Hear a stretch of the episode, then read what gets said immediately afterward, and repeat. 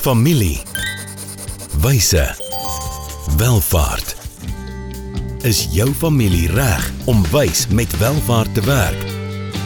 Welkom by die weeklikse gesprek waar kenners saam met families na eerlike antwoorde op moeilike vrae soek. Ontdek ware wyshede vir jou familie se welvaart. Ja, baie welkom terug in nog 'n week van familiewyse welvaart. Ehm um, hallo Elmarie. Hallo Willem, lekker om jou weer te sien. Ja, jene, ehm um, ja, week gaan so vinnig verby. Dit gaan so vinnig verby. Ja, ons gesels aanlyn met julle as julle hierna kyk as 'n webinar en dan kan julle die skyfies ook op die skerm sien uh, as jy die week later na die YouTube uitsending kyk, ek sê jy ook na die skyfies kan kyk. Maar dan kan julle ook dalk hierna luister as 'n pot gooi. Mm. Maar ehm um, of jy nou op YouTube dit doen of op pot gooi. Onthou in die show notes is daar baie van die goed waaroor ons gesels. So sal ek jou gou voorstel Willem? Ja, kom ons Willem kom ons is die uh, die uitvoerende bestuurder van RIG Finansiële Dienste wat ook so gaaf is om ons program te borg. Maar Willem het ook 'n baie interessante akademiese agtergrond. Hy het 'n meestersgraad in finansiële beplanning wat ek dink nogal moeilik is en wat baie help met ons deel op die oomblik wat uh, gaan oor beleggings. En dan het Willem ook 'n uh, meestersgraad in ehm um, amper seker aktiewe maar praktiese teologie, maar dis maar dieselfde ding. En uh so dis dis interessant hierdie kombinasie van die geld en die gewete om dit saam te bring na die tafel toe. So Willem, groot voorreg, lekker om saam met jou te gesels. Ja, dankie Almarie. Voorreg, voorreg is ook myne. So ehm um, Almarie is professor by universiteit uh hier in Port Elizabeth. Wat noem julle dit nou? Geberga. OK, ek gaan daai en gaan ek nog reg kry. So Nelson Mandela. Nelson Mandela Universiteit. En um, waar sy in ondernemingsbestuur klas gee, sy het gespesialiseer haar doktorsgraad in familiebesigheidsbestuur, opvolgbeplanning binne familiebesighede ja. gedoen. Ook 'n uh, sentrum hier gevestig waarvan sy direkteur is wat uh, met 'n klomp uh, groot besighede in die land werk en hulle mense oplei om beter familiebesigheidsadvies te kan gee, maar dan sy ook 'n uh, konsultant, soos nie net 'n professor nie, maar ook 'n praktisyn. Dit maak dit baie lekker. Nie net 'n mooi gesig nie. ja. Soos jy wil. ai ai, almal jy gaan my laat bloot hier so so. Die van julle wat nou hier luister kan nou nie sien hoe ek bloos op die oomblik nie, wat van julle wat kyk gaan. Maar ja, so um, is 52 weke wat ons hierdie gesprek het, letter elke elke week ons praat oor um, nege verskillende temas. Uh, die eerste tema het gegaan oor weet is jy wel af, die tweede tema het oor finansiële beplanning gegaan. Ons praat nou oor oor beleggings en dan um, in hierdie beleggingstema het ons 'n klompie spesifieke vrae. So elke episode gaan maar oor 'n vraag wat ons saamneem en wat ons na die beste van ons vermoë probeer antwoord waar ons probeer soek na wysheid, familiewyse welvaart. So is nie net om die vrae te antwoord nie, maar om die vrae moontlik met wysheid uh, te probeer antwoord. So in hierdie ehm um, kom ons sê derde tema oor beleggings het ons in episode 13 gekyk hoe belangrik dit is dat jou beleggings met jou doelwitte belyn is. In episode 14 het ons gekyk wat se realistiese opbrengste kan ons verwag. Ek dink verlede week se gesprek episode 15 was vir my 'n belangrike ene. Mm En dit gaan oor bateallokasie of bate toewysing, maar gekoppel aan doelwitte. Ek weet nie wat het vir jou uitgestaan ja, daai. Ja, en en dit het vir my net weer uitgestaan Willem dat uh, dit is 'n puzzle hierdie. Mm. Dit mhm. is nie een stukkie wat jy in afsondering kan na kyk nie. Jy weet jou bateklasse allokasie, daai keuses word beïnvloed weer deur jou doelwitte. En jou doelwitte word weer beïnvloed deur die familiestruktuur en wat se tipe besigheid. So dit is dit is 'n 'n legkaart En ehm um, dit help ons baie as jy vir ons daai drie kategorieë, miskien moet jy dit net weer herhaal die drie kategorieë van eh uh, doelwitte. Ja, ons gaan nou nou spesifiek daai uh, skyf hier. Dit maak dit baie prakties mm. om so daarna te kyk, ja. Nee, verseker. Maar ons het die vorige episode afgesluit waar ons vandag se gesprek aangekondig het en Elmarie het dit eintlik swaar as 'n as 'n diep versigtiging of wens ja, uitgespreek. So waar gesels ons dan vandag? Moet dit so moeilik wees? Om ons, te belê. Ons gesels in episode ons gesels in episode 16 reg nou in lyn met Elmarie se vraag hierso. Ja. Ehm um, moet beleggings dan so ingewikkeld wees? Ja. En die antwoord is nee. So ehm um, en ek ek ek wil vir ons 'n raamwerk gee waar binne ons kan gesels en kan dink om dit vir ons arme kykers en luisteraars en ons hoorders buite dalk net 'n bietjie sagter mm. en makliker te maak. Ja. Ehm um, beleggings, die veld is kompleks, mm. maar ek dink ons oorkompliseer dit partymal mm. onnodig. Nou mense kan dit eenvoudiger maak tot op 'n sekere vlak. Dit beteken nie noodwendig dat jy nie kundige advies nodig het. Jy weet wanneer jy hiermee werk nie, maar ons maak dit baie keer vir onsself as beleggers. Jy weet oor kompleks. So, ons gaan vandag 'n bietjie gesels oor wat ek noem konvensionele beleggings. Uh dit is ou beleggingsbeginsels en teorieë wat mense nie net oor jare nie, maar oor dekades en selfs deur eeue baie goed gedien het. Mm. En partymal moet 'n mens net terugkom na daai ja, basiese ja, goed ja. toe, ja. So dis wat ons hoofsaaklik vandag uh, wil doen. So as ons konservatiewe verwagtinge het en verpligtinge het. Kom sê uh, ons bestuur 'n pensioenfonds of ons spaar dalk vir ons eie aftrede. Um en ons het realistiese verwagtinge van wat ons doelwitte is, dan kan ons op 'n konvensionele manier belê dat markopbrengste heel waarskynlik vir ons genoeg is om by ons doelwitte uh, te kan uitkom. Mm. En ehm um, die kom ons sê die die drie kategorieë waarna jy nou nou verwys het is mm. ehm um, binne die raamwerk van Ashwin Shabra. Ons het al 'n paar maal mm. hieroor mm. gepraat. Ehm um, gaan luister gerus na episode 13 hieroor, maar ook na verlede week se episode mm. episode 15. Maar in kort vir die van julle wat op die skerm kyk is dit gaan oor 'n persoonlike risiko kategorie of 'n mandjie, dan 'n markrisiko mandjie en dan ook wat ons noem 'n aspirational risk uh, mandjie. So jou noodfonds, jou korttermyn kontant gaan jy in jou persoonlike risiko houer hê. Dit waaroor ons vandag primêr gaan gesels, het te doen met markrisiko. Met ander woorde, as jy jou beleggings blootstel aan die markte soos jou aftreë geld en jy belê volgens sekere konvensies behoort jy sekere uitkomste te bereik. Mm, mm. As jy bo mark opbrengste nodig het. Mm. Dan gaan jy na van ons later episode soos episode 20 mm. byvoorbeeld moet mm. gaan luister want dan gaan jy beleggingsrisiko's moet aanneem mm. wat vir jou hoër groei potensiaal kan gee mm. as die mark. Maar die fokus vandag is hierso op konvensionele marktipe van beleggings. Om uh um kykers en hoorders te herinner, verlede week het ons spesifiek ge gepraat oor risikoprofiele. Ja. Waar verskillende mense hierdie drie kleure amper verskillend saamvoeg. Ja. Ehm um, om 'n risikoprofiel te gee. Ja, so mense kan na jou as belegger kyk en sê jou risikoprofiel is konservatief mm. of gematig mm. of aggressief. Maar dan het jy ook individuele doelwitte. Ja waarmee jy met sekere beleggings baie meer risiko kan neem met sekere beleggings dalk waar jy geld in die korttermyn gaan nodig hê baie minder risiko kan mm. neem.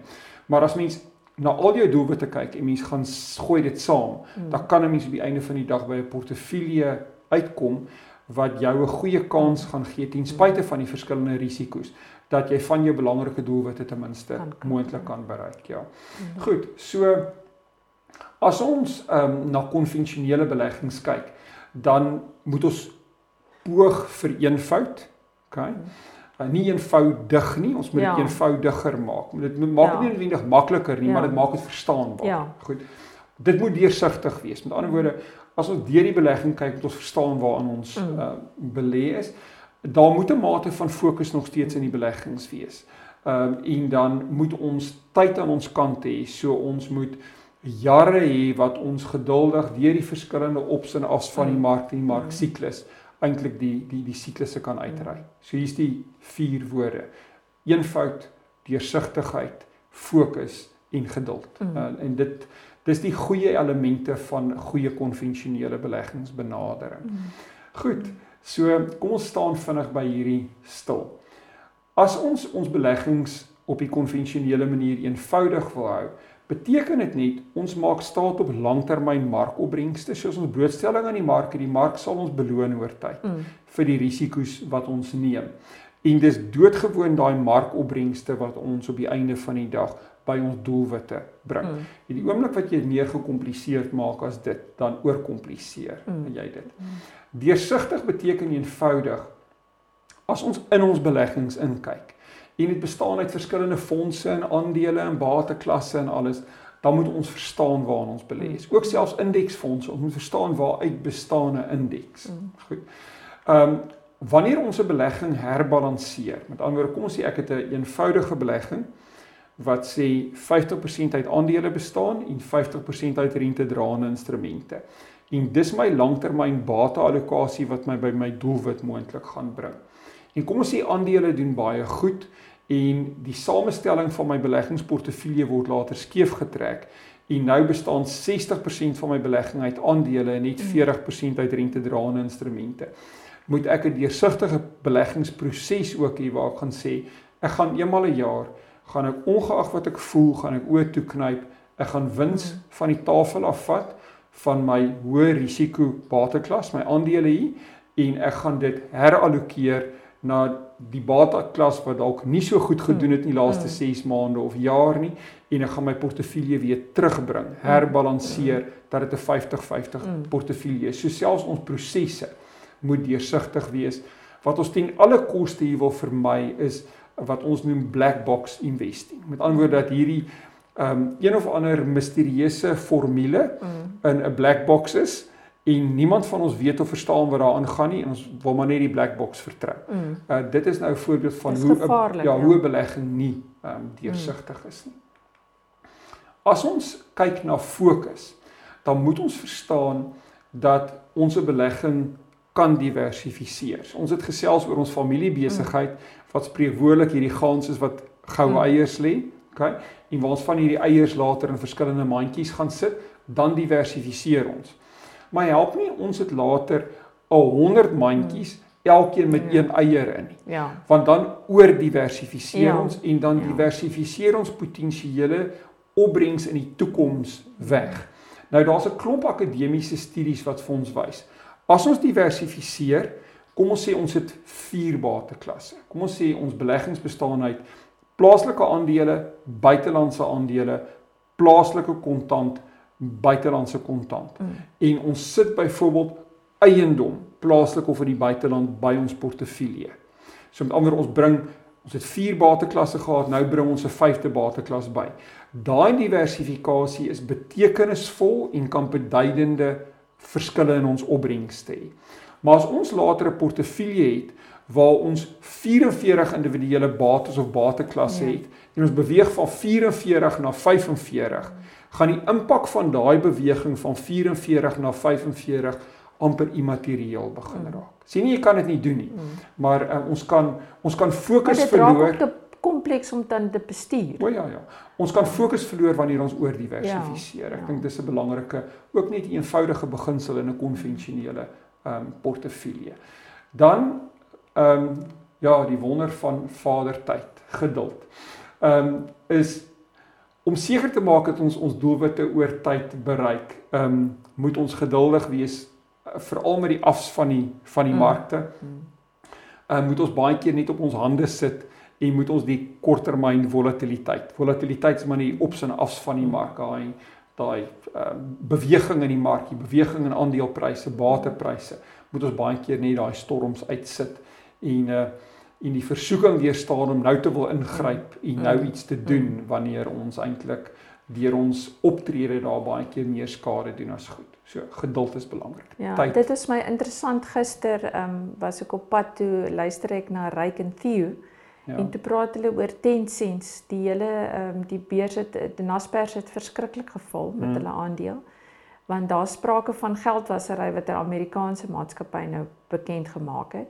Maar hulle uh, antwoord was presies wat jy nou sê. Jy weet mense moet versigtig wees om nou sommer te koop want die prys het geval of te verkoop omdat die Mm. prys geval het. So mense moet ook maar geduldig wees en want die want die mark bly bestaan wat 10 Hmm. cents ehm um, bedien.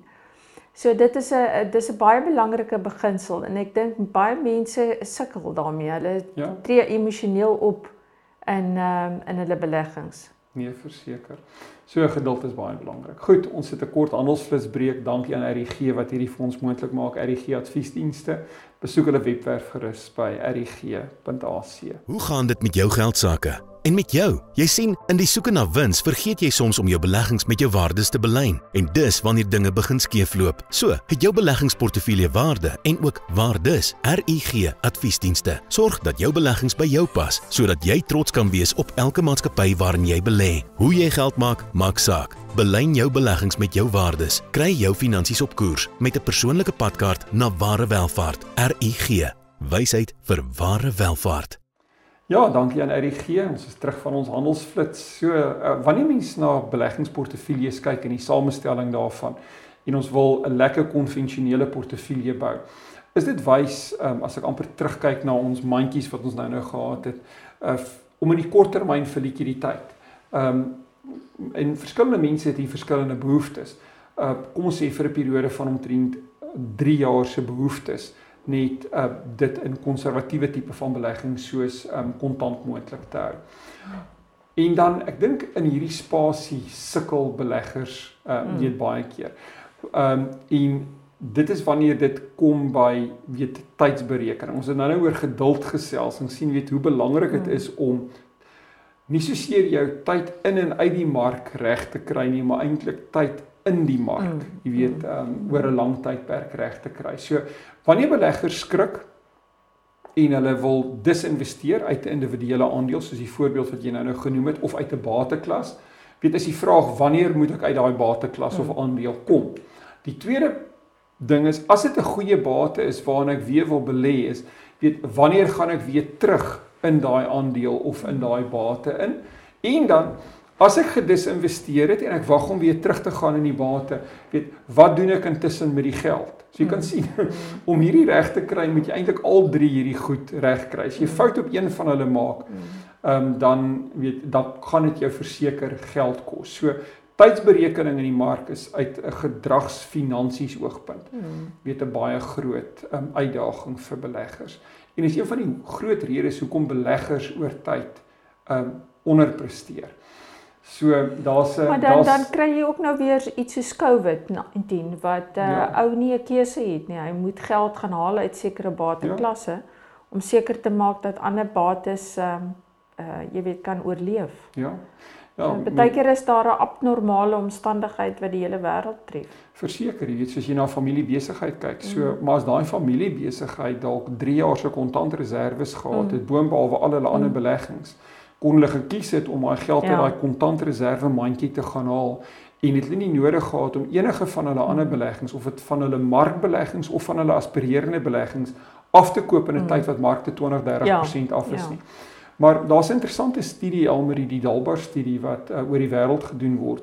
En hier gaan kyk hulle hoekom die gemiddelde belegger um, die fonds waarin hy of die indeks waarin hy of sy belê is so ver onderpresteer. Mm. So in hierdie Dalbar studie ehm um, en hierdie is so 'n paar jaar terug se se studie ehm uh, wat 'n periode van 1999 tot 2019 gevat het, soos 'n 20 jaar periode. Ehm um, as jy die gemiddelde belegger vat wat in die S&P 500 indeks belê was en uh, met 'n bepaalde bedrag 100 000 dollar hier belê het, sou daai belegger oor hierdie periode van tyd in die 20 jaar sou sy 100 000 dollar na 324 000 dollar gegroei het. So 6% opbrengs oor die periode. Die gemiddelde belegger in daai indeks het egter 4,25% gekry. Met ander woorde, 229000 dollar. So hier's amper 'n 100000 dollar verskil. En is doodgewoon omdat die gemiddelde belegger in en uit hierdie belegging gaan hmm, hmm. en dink hulle kan die tydsberekening reg. En dit kos hulle kos op die langtermyn, ja. ja. Ek gaan 'n Suid-Afrikaanse voorbeeld vat. Hierdie is 'n Suid-Afrikaanse fonds ehm um, waar iemand sê ehm um, 'n klomp jare terug, omtrent so 15 jaar terug, 'n miljoen rand belê het. Okay in die herstel van die mark as jy as jy sê net die 10 beste dae gemis het sou jou belegging van 'n miljoen rand na 4.2 miljoen rand gegroei het. As jy in die mark gebly het, sou jou belegging basies van 'n miljoen rand na 7.5 miljoen rand gegroei het. So 10 dae wat jy uit die mark uit was hierso, het letterlik 'n 3.3 miljoen rand verskil. Ja. Ongelooflik. Ja, ja. So ek weet as jy dit nou verder Sjoe. vat as jy die beste 20 dae gemis het, weet dan se 2,7 miljoen teenoor 7.5 is die beste maand of 30 dae gemis het, weet 1.9 teenoor 7.5. So ja, tydsberekening in en uit die mark is is 'n is 'n mm. enorme groot fout. Mm. So hierso weet speel iets soos geduld 'n baie belangrike rol. Mm. In konvensionele beleggings ehm um, wanneer mens vir jouself 'n beleggingsfilosofie gaan skryf, hmm. dan moet jy oor 'n paar belangrike goed besluit. Jy moet 'n bateallokasie besluit maak, maar jy moet gaan sê hoeveel van my beleggingsgeld gaan ek allokeer aan groeibates, aandele, mm. eiendom en hoeveel daarvan gaan ek aan inkomste genererende rentedraende bates allokeer. Mm. Daai bateallokasie besluit het ons verlede week oor gesels. Dan is hier 'n tuiste of 'n tuisland voordeel. Met ander woorde of vooroordeel kan mense dit ook noem. As jy in Suid-Afrika woon en jy gaan hier aftree, gaan jy moontlik meer van jou geld hier belê as wat jy in die buiteland gaan mm, belê. Mm. As jy dalk um, kinders het wat oorsee is, wat oorsee studeer of jy self dalk op pad om te immigreer, kan jy dalk meer van jou bates aan die buiteland blootstel. So hierdie nie net bateallokasie nie, maar die lokasie, mm. die ligging van jou beleggings is 'n tweede belangrike besluit. En dan waaroor ons baie in episode 19 en 20 gaan gesels is, in hoe mate gaan jy aktiewe beleggingsbestuur toepas of gebruik in jou beleggings hmm. en in hoe mate gaan jy toelaat dat die indeks net vir jou werk en gaan jy meer 'n passiewe belegger wees ook 'n belangrike besluit hmm. Hmm. um, om uh, om hier te maak. So ja, ek dink dis in wese waaroor ons kan gesels as ons oor konvensionele beleggings gesels. Dit klink nou vir my bietjie minder kompleks maar nog steeds. Ja. Maar dankie dat jy dit vir ons so mooi uiteensit Willem. Ja. Dit is ehm uh, Ja, dis 'n groot plesier. Dit is belangrik om te verstaan. Ja, ek ek hoop ek hoop dit bring dalk 'n bietjie nee, meer nee, duidelikheid en, en, ja. en verligting. So, ehm um, die vraag wat ons vir julle as luisteraars, kykers teruggee hierdie week is ek en Elmarie wil vir julle vra. Verstaan jy en dalk jou familie en familiebesigheid, jy weet, ehm um, waarmee jy gemaklik is binne julle huidige beleggingsportefeulje? Hmm. Of is daar goed binne julle beleggings wat jy nie verstaan nie? Ehm um, as jy goed nie verstaan nie, moet jy regtig die moeite doen. Hmm om te verstaan waarin mm. waarin jy belê. Mm. Dit hoef nie oor um, kompleks te wees nie. Goed, ek gaan vir Elmarie kans gee om vir ons te sê waaroor gesels ons volgende week. Willem, mens hoor altyd, jy weet, hoe groter risiko jy vat, hoe groter is jou opbrengs. Mm. Maar dit klink vir my dit is nie noodwendig so nie. Ja. So volgende week gaan ons kyk, jy weet, uh, hoe belangrik is dit om die risiko's rondom hierdie uh, keuses wat jy moet maak oor bateklasse en beleggings. Hoe moet ons dit verstaan? Ja. En 'n uh, bietjie kyk na die tipes risiko's ook. So. Ja, risiko's is in terme van beleggings 'n baie baie belangrike ja, onderwerp. Om ja. die waarheid te sê, um, ek en Elmarie gaan hierdie vir julle breek in twee episode. So ons mm. gaan beide in episode 17 um, en 18 gaan ons gesels oor uh, beleggingsrisiko's. Ja. So bly ingeskakel op familiewyse welvaart. As jy van die vorige episode gemis het, gaan vang dit op op YouTube, um, ook op ons potgooi platforms. Ehm um, gaan like dit, gaan share dit, uh, vertel vir mense daarvan as jy enigstens waarde uitvind. Ehm um, dis lekker om met julle te kuier en te gesels. Dankie ook aan RG. Um, ehm, ons borg gaan loer gerus by rg.ac. As jy met my of Elmarie wil kontak maak, ehm um, e-pos ons gerus by info@rg.ac. Rig die e-pos aan haar as jy met haar wil praat of aan my of aan ons. Ons gaan nie vir julle opstelle terugskryf nie, maar ons maak graag kontak met julle en hoor ehm um, wat julle hier saam met ons leer terwyl ons soek na wyshede vir families en hulle welvaart. Baie dankie Willem, ek sien uit na volgende week. Ja, dankie almal. Volgende keer gesels ons verder oor wyshede wat families nodig het vir ware welvaart. Familie. Wyse. Welvaart.